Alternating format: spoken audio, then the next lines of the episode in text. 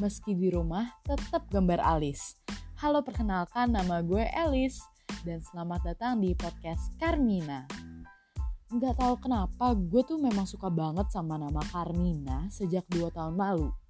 Tepatnya saat gue itu harus cari ide gimana buat caption Instagram untuk organisasi tapi menarik gitu Nah, pas banget karena kampus gue itu namanya ada bau-bau Nusantaranya gitu.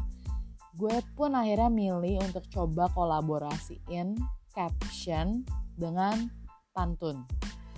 Dan gak disangka ide gue ini diterima dan akhirnya setiap caption di Instagram kepanitiaan itu selalu ada Carmina atau pantun kilat. Tapi di podcast ini sih gue bukan mau bahas soal gimana cara buat pantun ya. Gue yakin kalian pasti udah pernah bisa lah dan udah pernah coba juga kan.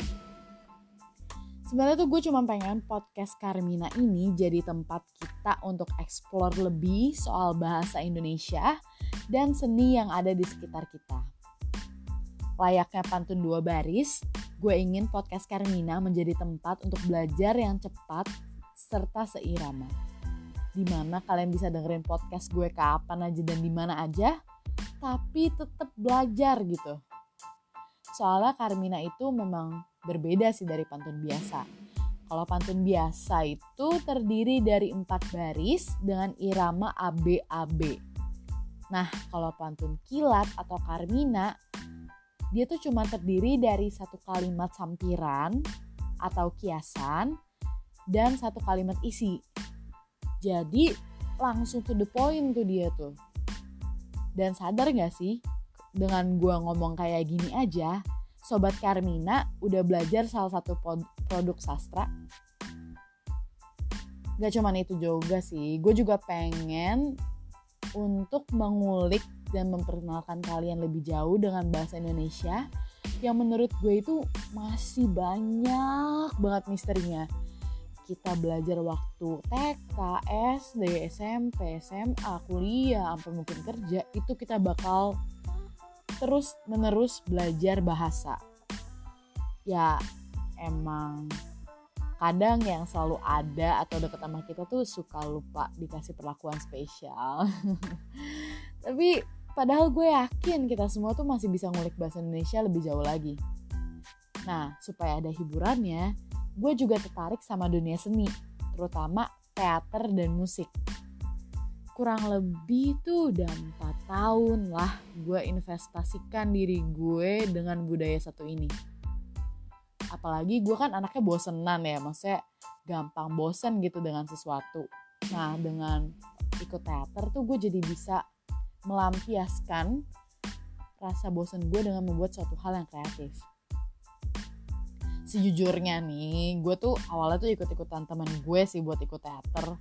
Cuman lama kelamaan sumpah seru banget seru banget guys. Dari proses artistik ya ini untuk artistik tuh biasa ada musik ada kostum ada make up.